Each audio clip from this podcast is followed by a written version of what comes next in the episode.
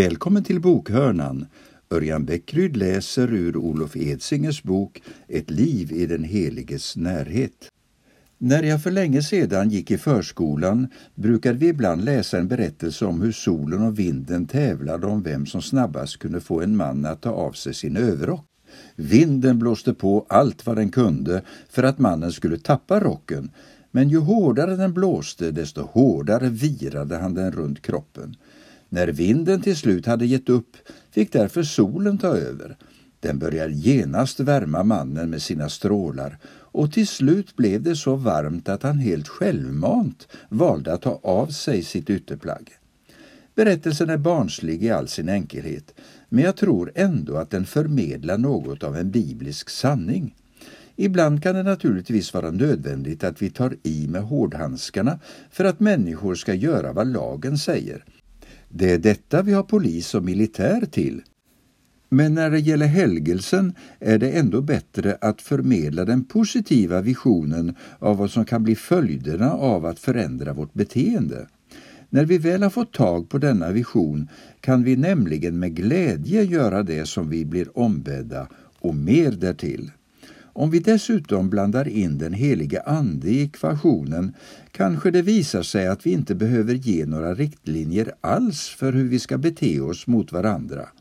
För när Anden får bearbeta våra liv kommer förvandlingen av våra livsmönster helt spontant. Johannes skriver Ni har en smörjelse från den Helige och ni har alla kunskap.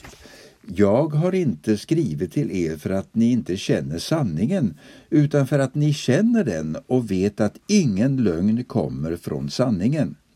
Men smörjelsen som ni har fått av honom förblir i er, och ni behöver inte någon som undervisar er. Hans smörjelse undervisar er om allt, och den är sanning och inte lögn. Förbli i honom så som den har lärt er, om ni vet att han är rättfärdig, då inser ni också att var och en som gör det som är rätt är född av honom. Första Johannes brev kapitel 2. Att göra gott med fel motiv. Innan vi lämnar frågan om lagiskhetens olika ansikten vill jag stanna upp inför en form av lagiskhet som ganska ofta passerar obemärkt, men som just därför hör till de mest utbredda av dem alla. Det är en lagiskhet som i allt väsentligt är en vidareutveckling av vad vi redan har varit inne på. Lite tillspetsat kan det beskrivas som att göra gott med fel motiv. På ett grundläggande plan är det ju så att alla människor kan utföra handlingar som är både fina och bra. Sjuksköterskan som tar väl hand om sina patienter, hantverkaren som utför ett gott hantverk, programmeraren som utvecklar ett nytt dataprogram alla gör de saker som ur kristen synvinkel kan betraktas som någonting gott. Samma sak kan sägas om det goda och kärleksfulla som vi kristna såväl som icke-kristna gör för varandra i familjen, på arbetsplatsen, i skolan etc. Men som vi redan har sett är alltså helgelse någonting mer än detta. Att vara helgad är inte bara att vara allmänt hygglig. Helgelsen är istället knutet till den personliga gemenskapen med Herren. Mot bakgrund av vad vi tidigare har sett skulle helgelsen därför kunna definieras som allt som sker i våra liv som är en direkt följd av vår tro på och gemenskap med Kristus. Det är av detta skäl som Nya testamentets förmaningar formuleras med orden Bli vad du redan är i Kristus. Tron på och erfarenheten av Guds nåd är på samma gång förutsättningen för och drivkraften i det heliga livet. Det högsta och förnämsta syftet med våra liv är enligt Bibeln att förhärliga vår skapare. Paulus skriver att allting är skapat inte bara genom honom utan också till honom. Men människans stora problem är alltså att hon genom synden har börjat styra bort från sin skapelsegivna gudscentrering. Hon har kommit på kollisionskurs med sin skapare. På ett eller annat sätt försöker vi klara oss själva utan Gud. En direkt konsekvens av detta är att allting vi gör som människor i någon mening faller tillbaka på oss själva både våra onda och våra goda handlingar leder antingen till vår förnedring eller till vår upphöjelse. Slutsumman av våra liv blir att vi själva får äran eller vanäran av våra gärningar och prestationer. För den troende människan har det dock hänt något drastiskt. Som kristna har vi kapitulerat inför Herren. Vi har övergått från den ondes rike, det livsrum där vi tror oss vara våra egna herrar, till Guds rike. Visserligen behöver vi fortfarande kämpa mot synden, men genom tron har vi ändå fått göra upp med syndens makt över våra liv. Vi har sagt till Herren att vi vill leva för honom och inte för oss själva och vi har låtit honom påbörja den process som ska förvandla oss till Jesu avbilder. Målet för våra liv har blivit att förhärliga Gud och att bli allt mer lika honom. I Nya testamentet finns en tydlig åtskillnad mellan de gärningar som vi gör i det gamla livsrummet och det vi gör i egenskap av Gudsrikes medborgare. Eller som man också kan uttrycka det, de gärningar vi gör för att förhärliga människor, oss själva eller andra och de gärningar vi gör för att förhärliga Herren. Visserligen omfattar helgelsen betydligt mera än våra aktiva handlingar. Den kan också handla om exempelvis lidande för vår tros skull. Men de gärningar som vi utför med syftet att förhärliga Gud hör ändå till de allra tydligaste uttrycken för helgelsen i våra liv. Paulus ber därför för de kristna i Thessalonike att Gud ska ge framgång åt varje gott uppsåt och varje handling gjord i tro och med hans kraft, så att vår Herre Jesu namn förhärligas genom er och ni genom honom. Att låta Herren ha initiativet. Ett av Bibelns favorituttryck för helgelseverket i de troendes liv är frukt. Med detta ord understryks att helgelsen inte främst ska ses som något som vi själva gör för Gud, Istället ska den betraktas som det Gud själv får göra genom oss. Detta blir väldigt tydligt i Jesu liknelse om vinstocken och grenarna. Förbli i mig, så förbli jag i er, säger han. Och så lägger han till, liksom grenen inte kan bära frukt av sig själv om den inte förblir i vinstocken, så kan inte heller ni det om ni inte förblir i mig. Jag är vinstocken, ni är grenarna. Om någon förblir i mig och jag i honom, så bär han rik frukt. Utan mig kan ni ingenting göra. Vid första anblicken kan Jesu ord tyckas märkliga. Det finns ju massor av saker som vi kan göra utan Jesus. Men just därför tror jag att Jesu ord bekräftar den definition av helgelsen som jag här har använt mig av.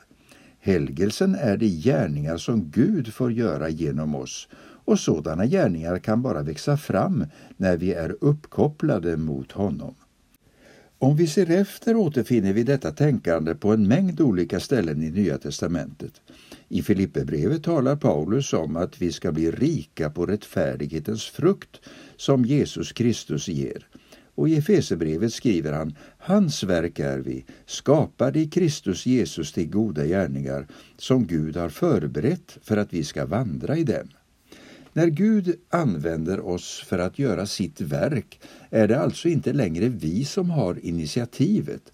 Vår uppgift är istället att vandra i de gärningar som han har förberett åt oss. För den lagiska sidan inom oss är det här budskapet något stötande. Som vi tidigare har varit inne på hör det till lagiskhetens kännetecken att vi vill behålla initiativet själva, att vi vill prestera vårt eget värde. Synden inom oss gör att vi visserligen kan tänka oss att använda Gud för våra egna syften, men i dessa och andra bibelsammanhang uppmanas vi alltså att istället låta Herren använda oss. Beroende av Guds timing.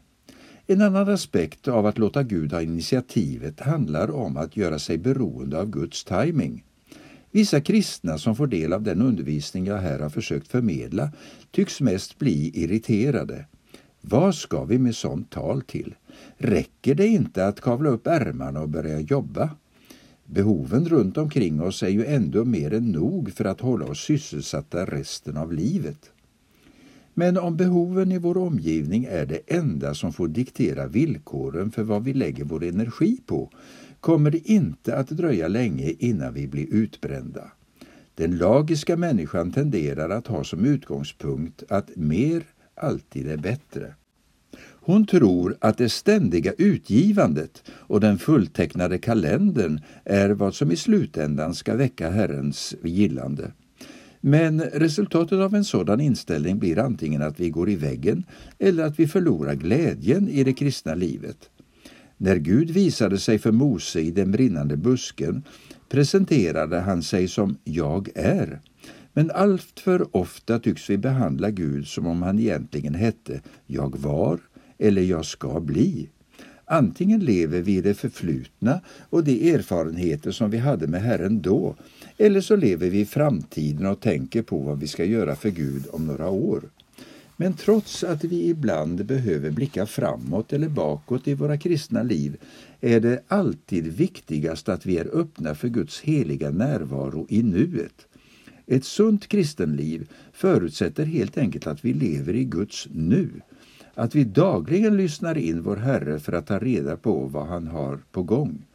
Det som Gud ägnar sig åt just nu är nämligen det som vi behöver ägna oss åt, i alla fall om vi vill bära frukt som kristna.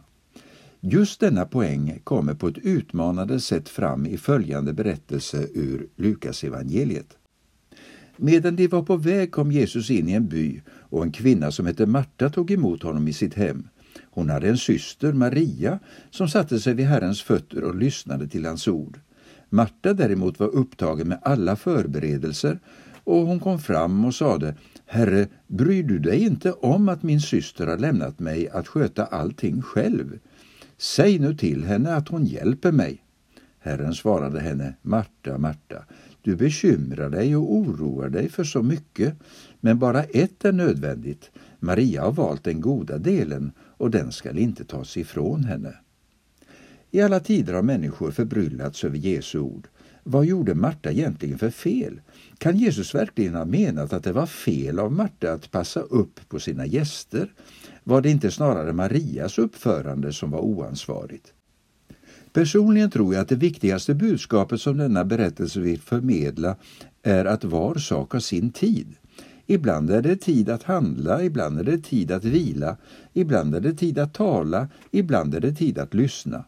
Martas problem var inte att hon objektivt sett gjorde något som var fel. Istället var det hon som missade Guds timing. I den situationen som rådde var det helt enkelt inte läge för att arbeta. Martas syster Maria hade förstått detta och hon satt därför vid sin mästares fötter för att lyssna.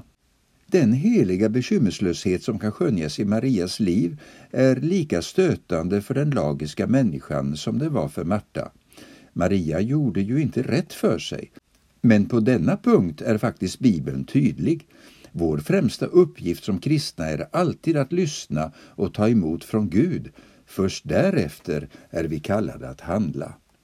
Vår viktigaste förebild i detta avseende är ingen mindre än Jesus. I Johannesevangeliet vittnar Jesus om sig själv med orden Sonen kan inte göra något av sig själv utan bara det han ser Fadern göra. Vad Fadern gör, det gör också Sonen. I detta mönster framträder också något av det unika med Jesus. Som Guds egen son levde han i fullständig harmoni med sin faders vilja och även om vi aldrig kan uppnå samma grad av trohet och lydnad som vår frälsare är vi kallade att ha hans förhållningssätt till Fadern som förebild för våra egna liv. Vi är kallade att lyssna först och handla sedan för att hans gärningar ska bli synliga i oss. Välkomna att fortsatt lyssna till Olof Edsingers bok Ett liv i den heliges närhet.